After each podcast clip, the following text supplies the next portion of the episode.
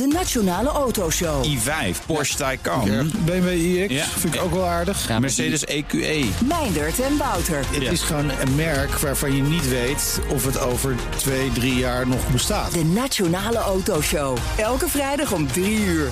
De Nationale Autoshow wordt mede mogelijk gemaakt door Van Mossel. Van Mossel, voor mobiliteit voor iedereen.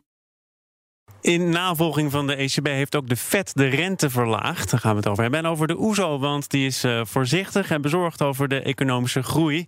Eh, met het economenpanel. Harold Benink is hier hoogleraar bankwezen en financiering aan de Tilburg University. Steven Brakman, hoogleraar internationale economie aan de Rijksuniversiteit Groningen. En Rens van Tilburg, econoom en directeur van het Sustainable Finance Lab. Welkom. Goedemiddag. Mijn zakenpartner is Tanja Nagel, commissaris bij EY, Kasbank en P&O Consultants. En laten we zoals gezegd eh, beginnen met de Fed, want die hebben de rente al verlaagd in juli, meen ik. Dat was voor het eerst in tien jaar tijd. Nu is er een tweede verlaging. Was een beetje spannend, wel of niet. Ehm, het is dus wel geworden. Harold, waarom denk je dat de Fed dat heeft gedaan? Nou ja, het was inderdaad begin augustus dat ze tegen een. eh, want ze waren bezig de rente te verhogen, dat de Fed dat beleid heeft omgekeerd. Nu is toen, toen de ECB natuurlijk eroverheen is ook bezig met monetaire verruiming. Nou weer de Fed. Maar ja, het heeft te maken met wereldwijde zorgen en onzekerheid over. We zien een groeivertraging in de, in de wereldeconomie en in alle prognoses. Dat heeft iets te maken met eh, mogelijk handelsconflict tussen de Verenigde Staten en China. Eh, de uitval van Brexit, gaat dat er komen en in welke vorm? We hebben ook nog natuurlijk een aantal zaken zoals in de eurozone, waar we, hè, waar we zien dat een aantal Italië bijvoorbeeld dit jaar 0% groei, hoge staatsschuld, politieke crisis hebben ze gehad. Er zijn allerlei onzekerheden die heel slecht zijn voor economische groei. Ja, maar de cijfers die vallen mee, zeker in Amerika. Er zijn dus ook mensen die zeggen, nou, een renteverlaging is dat wel op zijn plaats. Is het op zijn plaats? Nou ja, kijk, het is inderdaad eh, in de Verenigde Staten zou je kunnen zeggen, ja, die economie draait toch eh, eh, vrij goed. Hè? In tegenstelling tot de eurozone, waar je veel grotere diversiteit hebt, waar Nederland bijvoorbeeld goed draait, maar ja, daar waar Duitsland natuurlijk aan het vertragen is en Italië heel zwak is. Dus in Amerika is het wel opmerkelijk. Dus de vraag is natuurlijk ook van of al dat. Eh, getweet van eh, eh, Donald Trump. Hij is er niet bepaald op mee een of andere manier toch een, eh, Ja. een impact heeft, ja of nee. Maar, eh, Maar het is ook niet snel goed, hè? Want die rente is nu dus verlaagd. En eigenlijk was de eerste te reactie: ja, nee, er is toch nog steeds sprake van falend beleid. Overigens, we blijven Nee. af van de positie van Powell, want eh, zijn baan is wel gegarandeerd. Dat heeft hij ook alweer gezegd. Ja, maar ik, ik, ik, ik ben eigenlijk verbaasd hoor, dat de Fed de rente weer verlaagt. Als je gewoon kijkt naar de Amerikaanse economie, dan zou je niet direct denken dat dat nodig is. Ehm, je ziet ook bij andere centrale banken. hè, Dus wat dat betreft heeft eh, Amerika nog het geluk dat ze de rente nog een stuk naar beneden kunnen brengen. Maar dat zou ik zeggen is reden te meer om daar voorzichtig mee te zijn. En het pas te gaan doen als het ook echt nodig is. Dus ik vrees ook een beetje dat het toch inderdaad, en daar verbaas ik me eigenlijk over, dat die eh Fed zich zoveel gelegen laat liggen aan die Trump die aan het twitteren is. Want die ziet dat er volgend jaar verkiezingen aankomen. En die wil dat de economie dan vooral weer eh, vrolijk door blijft, blijft gaan. En volgens mij hebben toch centrale bankiers juist op die plek gezet. Een beetje op afstand van de politiek. Om zich niet hierdoor. is die onafhankelijkheid is dan een fictie? Want eh, dat is waar het toch om draait. Eh, Een, een centrale bank moet toch onafhankelijk van een president kunnen opereren? Ja, zeker. En hè, wat je dus ziet is dat eh, Trump die heeft wel geprobeerd om. eh, overigens, deze president van de Fed eh, die heeft eh, Trump zelf aangesteld. Dat was eigenlijk zijn eerste eh, aanstelling die hij die, die deed. Dat was overigens niet iemand die heel erg uit zijn kamp kwam. Hè. Dat was wel meer of meer een neutraal iemand. En sindsdien zie je dat eh, Trump geprobeerd heeft om steeds meer vriendjes van hem in, eh, in de, de Fed-board te krijgen. Maar dat systeem zit gelukkig zo in elkaar dat hij niet in één keer allerlei nieuwe leden daar, eh, daarin kan brengen. Maar zo probeert hij natuurlijk toch steeds dat, eh, ja, meer die, die board naar zijn hand te zetten. Steven, is dit inderdaad toch ook een beetje een gevolg van eh, Trumps tweetgedrag? Ik vrees het wel. Dus eh, waar je net eh, na- naar hint, is dat eh, ja, Paul toch niet helemaal ongevoelig blijkt te zijn voor de druk van de president. Hij is door de president benoemd en blijkt toch niet helemaal ongevoelig daarvoor te zijn. En dat, dat is een risico als zodanig. Ja, en Trump die wijst ook voortdurend op het tekort op de lopende rekening van de Verenigde Staten. Dat vindt hij heel vervelend. Dus hij vindt het ook vervelend dat de dollar in zijn ogen te duur is. Dus hij wil die rente omlaag hebben. Hij kijkt ook naar Europa, die de rente verlaagd heeft. Ja, hij heeft al gezegd dat Draghi de beste president zou zijn eh, van de Fed. Nou ja, dat, eh, wie, wie weet. Maar in ieder geval, eh, hij, hij wil eigenlijk een, eh, ook een stap zetten in het concurrentieproces. en hij ziet ook echt eh, de- een strijd met, met, de, met de euro. En dat is toch vervelend. En dat Powell daar gevoelig voor blijkt te zijn, is ook lastig. Nou ja, kijk, uh, Mario Draghi die treedt terug als president van de ECB per 1 november. Hij heeft een PhD van de Leiden Amerikaanse Universiteit. Dus wellicht uh, komt hij in aanmerking om de vet te gaan leiden. Dus, ja. uh, Denk je dat hij dat, dan ook gaat luisteren naar Trump? Dat, nou ja, kijk, het, wat je ziet is dat de dat de Federal Reserve, de Amerikaanse centrale bank, dat daar ook verdeeldheid is in het bestuur. Net zoals we dat natuurlijk zien in Europa. Dus de grote vraag is natuurlijk, als je in een situatie zit van waar zowel in, in, in de Verenigde Staten als in de eurozone toch nog eh, redelijke economische groei is, dat je dan, en de rentes zijn al eigenlijk heel laag, of je dan die rentes weer moet gaan verlagen. En dat is natuurlijk een enorme uh, uh, debat aan de gang uh, bij de centrale banken in de wereld. Dus of dit extreme monetair beleid, hè, want dat is het, lijkt het toch wel te zijn, of je dat op deze manier moet voortzetten. En men is ook heel bang vanwege natuurlijk de grote schuldenposities die in de wereld zijn opgebouwd. we hebben elf jaar geleden Lehman Brothers gehad, een kredietcrisis, een schuldencrisis. Dan zou je denken van nou, dan gaan we de schuldenratio's naar beneden brengen, de hoeveelheid leverage in het systeem naar beneden brengen. Maar in tegenstelling zijn de afgelopen tien jaar de leverage in het wereldwijde financieel systeem alleen maar verder gestegen. Dus die kwetsbaarheid wordt alleen maar groter. Dus de grote vraag is eigenlijk: kunnen we nog wel een rente, een substantiële renteverhoging naar zeg maar normale niveaus van 4, 5 procent hebben? Waarschijnlijk niet, want dan creëren we direct een financiële crisis. En dat is het grote probleem. Jij zegt uh, er is verdeeldheid binnen de ECB. Dat zal ook wel blijken. Klaas Knot moet uitgerekend vandaag naar de Kamer om tekst en uitleg te geven over dat ECB-beleid. Hij heeft ook al een groot interview gegeven in de Telegraaf. En zegt hij over zijn eigen rol: op het moment dat ik in Frankfurt zit, zit ik daar als een van de Europeanen die het Europese monetair beleid uh, vormgeven. In Nederland ben ik president van DNB. En dan moet ik de uitkomsten van dat ECB-beleid als een gegeven beschouwen in mijn opstellingen in nationale debatten. Is, is dat hoe het in elkaar zit? Want hoe gaat hij dat dan uh, vandaag doen in, de Tweede Kamer? Hij heeft een, een, brief geschreven nadat het rentebesluit een feit was. Waaruit blijkt dat hij het er totaal niet mee eens is. Dus geeft hij zichzelf dan ook de ruimte om, om een beetje van de ECB-lijn af te wijken in dat Kamerdebat, denk jij? Ja, kijk, dat heeft hij natuurlijk ook in dat persbericht gedaan. Wat hij uh, uitbracht een dag nadat de ECB besloot om uh, de rente te verlagen. En vooral ook om dat uh, programma van het opkopen van overheidsobligaties weer op te starten. dus wat dat betreft neemt hij heel duidelijk, en dat doet hij al, heeft hij al, al vaker gedaan, een aparte positie ingenomen. Um, maar ja, de tragiek is natuurlijk, hij zegt in, de, in, in, dat citaat wat je net aanhaalt, dat hij in, in, in Frankfurt een Europese beleidsmaker is. Maar in feite zit hij daar natuurlijk ook als Nederlander. En dat doet hij ook best zijn uh, best om, om, om het Nederlands belang daar uh, te dienen. Alleen het probleem is dat hij daar gewoon telkens wordt weggestemd. He, dus ze zitten met een klein groepje, uh, wat overigens, en dat is natuurlijk wel interessant, met Duitsland, met Frankrijk, wat, wat, wat voor meer dan de helft van, van de euro-economie eigenlijk staat. Maar ja, daarvoor zijn ze maar met z'n viertjes in dat grote, die grote boord en worden ze gewoon makkelijk weggestemd. Nou, ik zie er toch iets anders. hij zit daar niet voor het Nederlandse belang, hij zit daar eigenlijk voor het Europese belang. Dus waar Klaas Knot nu tegen tegenaan loopt, uh, en daar ben ik helemaal met hem eens. Hij zegt. Um, in slechte tijden kunnen we de rente verlagen. En in goede tijden moet je de rente verhogen. En we zitten nu in een hele merkwaardige positie. Dat we nu in Nederland in ieder geval en in het noorden van Europa twee jaar lang een uh, hoogconjunctuur hebben bereikt. Terwijl we de rente niet verhoogd hebben. En waar hij nu tegenaan loopt en ons uh, met kracht op wijst, is dat we als straks de recessie komt. Nou ja, een conjunctuurgolf die heeft uh, opgaande en neergaande fases. En we zitten nu aan de vooravond van een recessie. Dat we op dat moment, waar het nodig is, eigenlijk geen instrument meer hebben. In ieder geval geen monetair instrument meer hebben. En daar wijst hij op. En dat vind ik een groter probleem dan alleen maar een Nederlands probleem. Het is echt een Europees probleem dat de ECB op het moment dat het straks nodig is, zeg volgend jaar ergens, dat we dan geen, goede, geen goed monetair beleid hebben. En daar wijst hij op. En hij wijst ook op andere dingen.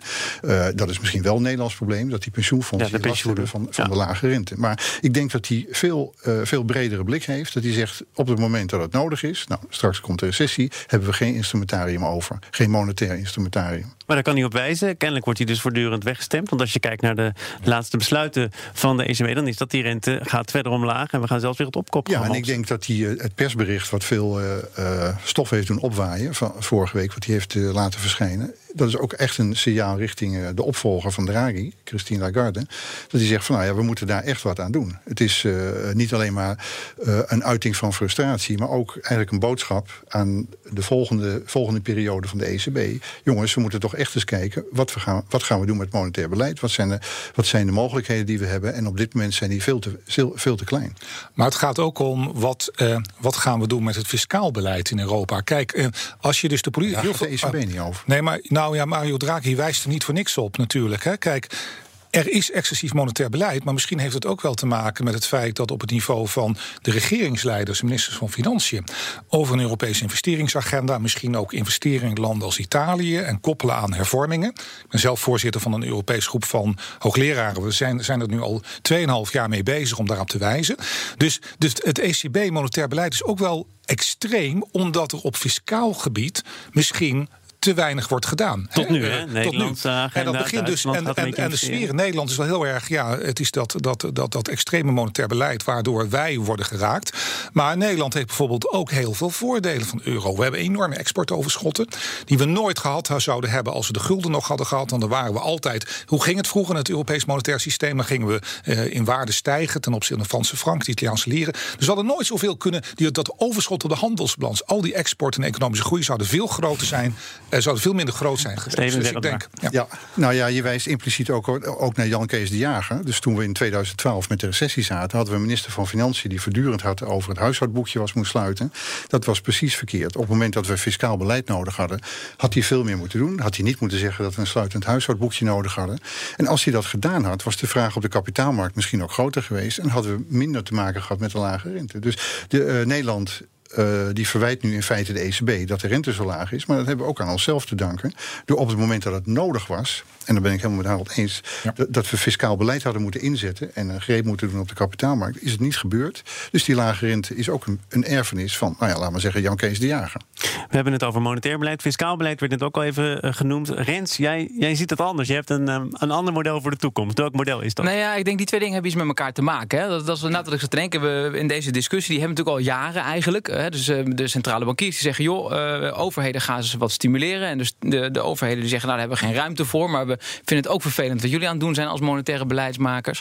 Ehm, terwijl die dingen hebben iets met elkaar te maken. En dat is ook een idee wat je eigenlijk de laatste tijd... steeds meer eh, hoort. Is ehm, dat centrale banken, nu de rente zo laag is... nu ze eigenlijk al zoveel obligaties hebben opgekocht... als ze maar zouden mogen doen...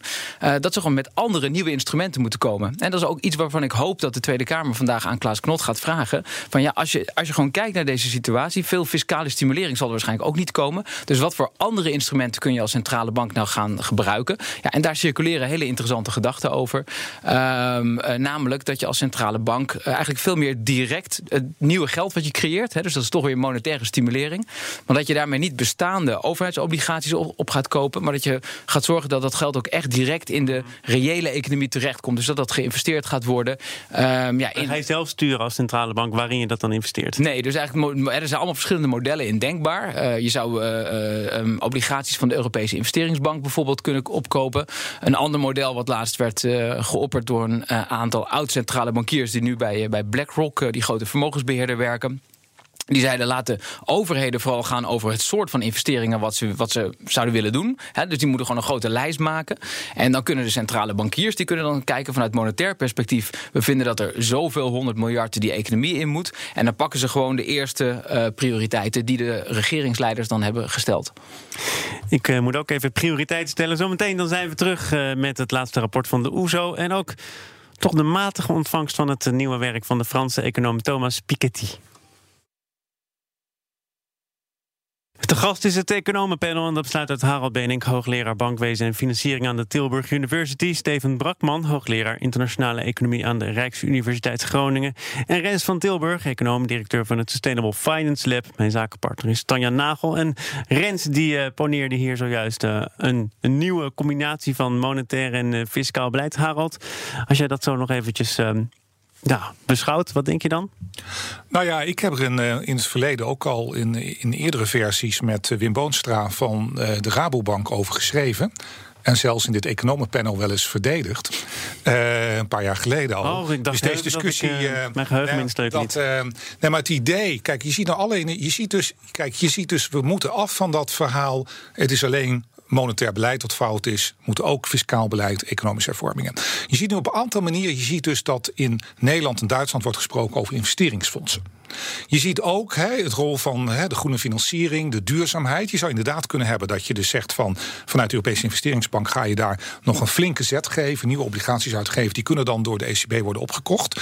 En dat is een betere besteding van een directere aanwending daarvan dan zeg maar nu weer overheidsobligaties op te kopen van probleemlanden zoals Italië, omdat daarmee alleen maar die rente wordt laag gehouden in die landen en de druk van de ketel vandaan gaat om economische vormingen door te voeren. Dus het zijn, het zijn allerlei ideeën. Dus de koppeling, dus eigenlijk als je dus monetaire verruiming doet, dat je dat effectiever kunt inzetten uh, voor bepaalde gerichte zaken om de economische infrastructuur, duurzaamheid uh, te kunnen financieren. Wie gaat die nou uiteindelijk over? Want er zijn dus veel ideeën.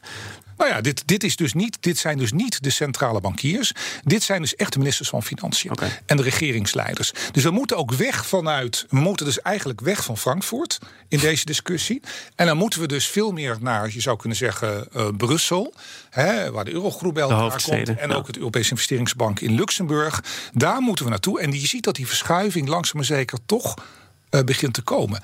Uh, om die onevenwichtigheden in de eurozone aan te pakken. Nou, ik heb een, een kleine reactie. Eerst uh, wat Rens net zegt, monetaire financiering, je geldbiljetten over de economie uitgooien. Nou ja, dat kan. Helikoptergeld wordt het genoemd. Nou ja, ik weet niet of het helpt. Monetaire verhoudingen zijn nu ruim. Maar om die discussie waar we het net over hadden, met die structuurfondsen. Ik denk dat je twee dingen goed uit elkaar moet, moet houden. Je hebt structuurbeleid en je hebt conjunctureel beleid. Nou, als je structuurbeleid voert, uh, zoals het met het investeringsfonds de bedoeling is, dan gaat het om, om, om op langere termijn het groeivermogen van de Nederlandse economie en van de Europese economie te vergroten. En je hebt conjunctuurbeleid. Nou, het eerste is een lange termijn uitgave. Dan ga je dus voor de komende jaren ga je investeren in uh, energietransitie, in uh, onderwijs en onderzoek, dat soort dingen. Maar als je het over de conjunctuur hebt, en daar heb ik het eigenlijk over als we het over monetair beleid hebben, gaat het om de korte termijn. Dus wat kan ik nu op korte termijn doen? Ik kan morgen de rente verhogen of verlagen. En ik wil eigenlijk ook fiscaal beleid hebben, wat op korte, korte termijn iets kan doen. Dus de overheid die zegt van nou, we hebben een schilderbeurt nodig voor het, uh, voor het ministerie. Dat zouden we volgend jaar doen, doen we nu. Zijn die bouwvakkers aan het werk? Nou, dat is, dat is een groot verschil. Die zegt van ja, dus op welke termijn wil je nou beleid hebben? Nou, conjunctuurbeleid gaat echt over de korte termijn. Kan ik snel iets inzetten? Ja. Kan ik het snel weer terugtrekken? En de structuurbeleid, waar we het nu met het investeringsfonds over hebben, dan ga je op de lange termijn investeringen doen. Dat is toch wat anders. Ja. En ik, uh, het probleem met de ECB nu is dat als je denkt aan conjunctuurbeleid, dat we daar geen goede mogelijkheden meer hebben. Kan de ECB de rente verlagen? Nou, dat kunnen ze best doen, nog negatiever. Maar het heeft geen zin meer. Dan duw je tegen een touwtje. Dus dat heeft geen effect. En dan moet je fis aanvullend fiscaal beleid hebben op de korte termijn. Dus echt dat je snel kan inzetten, snel kan terugtrekken. Nou, die twee dingen moet je volgens mij uit elkaar halen. Rens, met een uh, kort ja, want, slotwoord misschien. Ik, ik denk dat dit, dit, is inderdaad wel de kern van de zaken. Ik denk dus inderdaad dat de conjunctuur- en structuurbeleid... dat kun je wel degelijk aan elkaar koppelen. Want je hebt gewoon een, structurele investeringsagenda. Ik bedoel, we willen in 2050 willen we dat er geen CO2 meer wordt uitgestoten. Daarvoor moet er dus nog uh, 30 jaar lang geïnvesteerd gaan worden. En dat kun je dus soms wat sneller doen, soms wat langzamer doen. En dus je hebt een structurele agenda. En die kun je, al naar gelang hoe de conjunctuur zich houdt... kun je die uh, sneller en langzamer uitvoeren. En dat is precies de combinatie waar ik inderdaad voor, voor pleit. Ik prijs me gelukkig elke maandag. Dan komen hier ster-economen uh, in het uh, Nederlandse debat. Maar jullie hebben nog niet de wereldwijde faam van uh, de Franse econoom Thomas Piketty. Hij kreeg heel veel lof voor zijn boek over kapitaal in de 21ste eeuw. Rens, het meest gegeven boek, maar niet per se het meest gelezen boek. Misschien wel. Ja, ik Zeker in de boekenkast van economen. Hebben jullie het gelezen, dat eerste boek? Even eerlijk. Ik vrees dat het in het Frans is. Nou, het eerste boek, hè? eerste boek is natuurlijk. Uh, eerste boek wel. tweede boek is nu uit, is alleen in het Frans. Capital en ideologie. Uh, en um, daarvan wordt gezegd, ja, het is allemaal uh, nog extremer. Zo staat er bijvoorbeeld in dat er een toptarief zou moeten komen voor 90%. Um, van 90% voor mensen met een vermogen van 2 miljoen of meer. En daarbij zouden mensen met een vermogen tot 2 ton slechts 0,1% belasting betalen. gaat hier de activist met de wetenschapper aan de haal? Harald? Is het uh, dat toptarief, is het bij 2 miljoen of 2 miljard? Oeh, pardon, sorry. Uh, 2 miljoen lijkt me wel heel ambitieus nee, om het dan excuus, uh, excuus. toch. ik doe er even drie nullen bij. 2, 2 miljard, dat is ja, maar dat zijn natuurlijk, dat is, ja, dat is natuurlijk een, een hele kleine excessieve groep mensen die zoveel geld hebben. Dus daar moet je over nadenken. Ja. maar de, kijk, het punt van vermogensongelijkheid en hoe dat historisch loopt en waar we dus nu Trouwens, we hebben het, hadden het net over monetair beleid, wat natuurlijk die vermogensongelijkheid ook verder versterkt. Klaas Knot wijst natuurlijk vandaag ook in het interview in de krant op van hè, dat natuurlijk eh, allerlei aandelenmarkten, huizenmarkten, obligatiemarkten gaan natuurlijk door lage rente verder de, de lucht in. Dus ja, financiële onevenwichtigheden worden versterkt. Dus je, ja, dat je daar aandacht voor vraagt, eh, denk ik, is een, is een hele goede. Ja, hoe je dan daar weer beleid op maakt, is natuurlijk. Uh, uh, ja, een hele andere maar hij zaak. zegt, ja, en dat is ja, volgens mij ja. vrij fundamenteel... ongelijkheid is een ideologische constructie... en bewuste poging om grote verschillen te legitimeren. Nou, kijk, wat, wat ik me nog wel van het eh, boek eh, kan herinneren, zijn vorige boek, hè, was, was, wa- waren die grafieken waarin je liet zien van de ongelijkheid is eigenlijk over heel de wereld en met name in de Anglo-Saxische landen nu tot grotere hoogte gestegen dan het gebeurde in de jaren 20 van de vorige eeuw. Hè. En dat was, dat was daarvoor een enorme piek op, hè, want dat had het over een hele lange periode in kaart gebracht. En op zich zat daar toen ook de analyse in van hoe hebben ze nou toen die ongelijkheid weer eigenlijk een beetje binnen de perken gekregen. Ehm, nou, dat was eigenlijk pas gelukt op het moment dat er een wereldoorlog eh, uitbrak. Ehm, en wat er toen gebeurde, namelijk, eh, en dat was het andere grafiekje wat ik me kan herinneren, was dat je dus de, eh, de belastingtarieven in de VS zag. En die schoten toen inderdaad naar 90% toe. Dus in zekere zin, wat hij nu doet, is, is zeggen: ja, de geschiedenis herhaalt zich. Dus wil je daarvan afkomen, die, die ongelijkheid, ja, dan zul je weer naar dat soort van, van tarieven moeten grijpen. Ik denk de cruciale vraag is natuurlijk: van hoe erg is die ongelijkheid? Ehm, en op zich is Piketty staat hij zeker niet alleen door te zeggen dat de ongelijkheid op dit moment eh, in heel veel landen, en dat geldt overigens ook voor Nederland, eh, dermate hoog is dat het de economie eigenlijk schaadt. Hè, want we hebben als economen heel lang gedacht, gezegd, geleerd eh, hoe groter de ongelijkheid, ja, is vervelend misschien voor, voor de mensen die minder hebben, maar de economie als geheel die wordt er wel sterker van. En de afgelopen jaren zijn er toch heel veel studies verschenen, met name ook door de, door de OESO-economen gedaan, die laten zien dat er eigenlijk een soort van optimumniveau van ongelijkheid is. En dat we daar in de meeste landen al eh, voorbij zijn. En in die Anglo-Saxische landen al helemaal.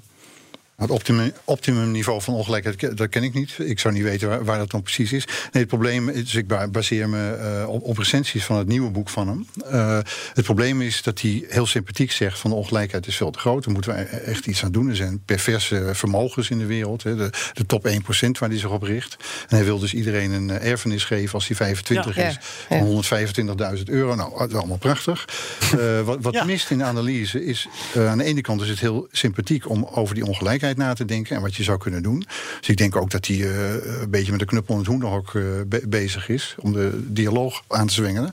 Maar de, wat, ontbreekt volgens mij analyse... voor zover ik het nu eh, eh, bekeken heb... is wat zijn nou de effecten? Dus stel dat je een erfenis wil geven aan iedereen die 25 is... wat, wat gebeurt er dan met de economie? Dus je kunt het wel doen. Het is de beste manier om het te doen. En dan doe je ook iets aan ongelijkheid. Maar wat zijn nou de effecten op de groei? Ja, maar hij had maar 1200 pagina's... om dan ook nog de effecten te gaan eh, meenemen. Jawel, maar als je met dit soort vergaande voorstellen Ja. komt... moet je Ja. toch ook nadenken van... oké, wat betekent dat dan? We gaan ongelijkheid verminderen. Maar gaat het iets op gang brengen? Want het is inderdaad, wat ik zeg, een wereldbekend eh, econoom. Hij wordt door eh, pa- parlementen ontvangen.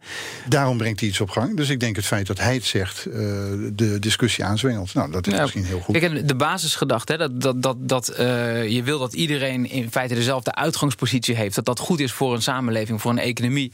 Eh, dat iedereen zijn talenten kan, eh, kan daar is ontplooien. toch niemand tegen? daar is niemand tegen. Maar daarvoor heb je dus wel nodig dat iedereen ook voldoende middelen heeft om zich te ontplooien. En dat is precies wat die OESO-onderzoeken ook laten zien. Die zeggen van eigenlijk is de ongelijkheid te groot aan het worden. Is dat er mensen zijn, een vrij grote groep ondertussen, die dus niet meer kan investeren in zijn eigen onderwijs. Ja, en dat soort mensen help je natuurlijk wel met zo'n zo'n uitkering. Harold, nog even kort? Of denk jij, ik ga eerst dat boek lezen... en dan kom ik bij je terug? Nee, dat zijn valide punten. Tegelijkertijd is een zekere mate van ongelijkheid ook wel een drijvende kracht achter een soort kapitalistisch systeem van innovatie, eh, van prikkels. Dus we moeten, moeten ook weer niet doorslaan naar de andere kant. Dank u zeer. Harald Benink, hoogleraar bankwezen en financiering aan de Tilburg University. Steven Brakman, hoogleraar internationale economie aan de Rijksuniversiteit Groningen. En Rens van Tilburg, econoom en directeur van het Sustainable Finance.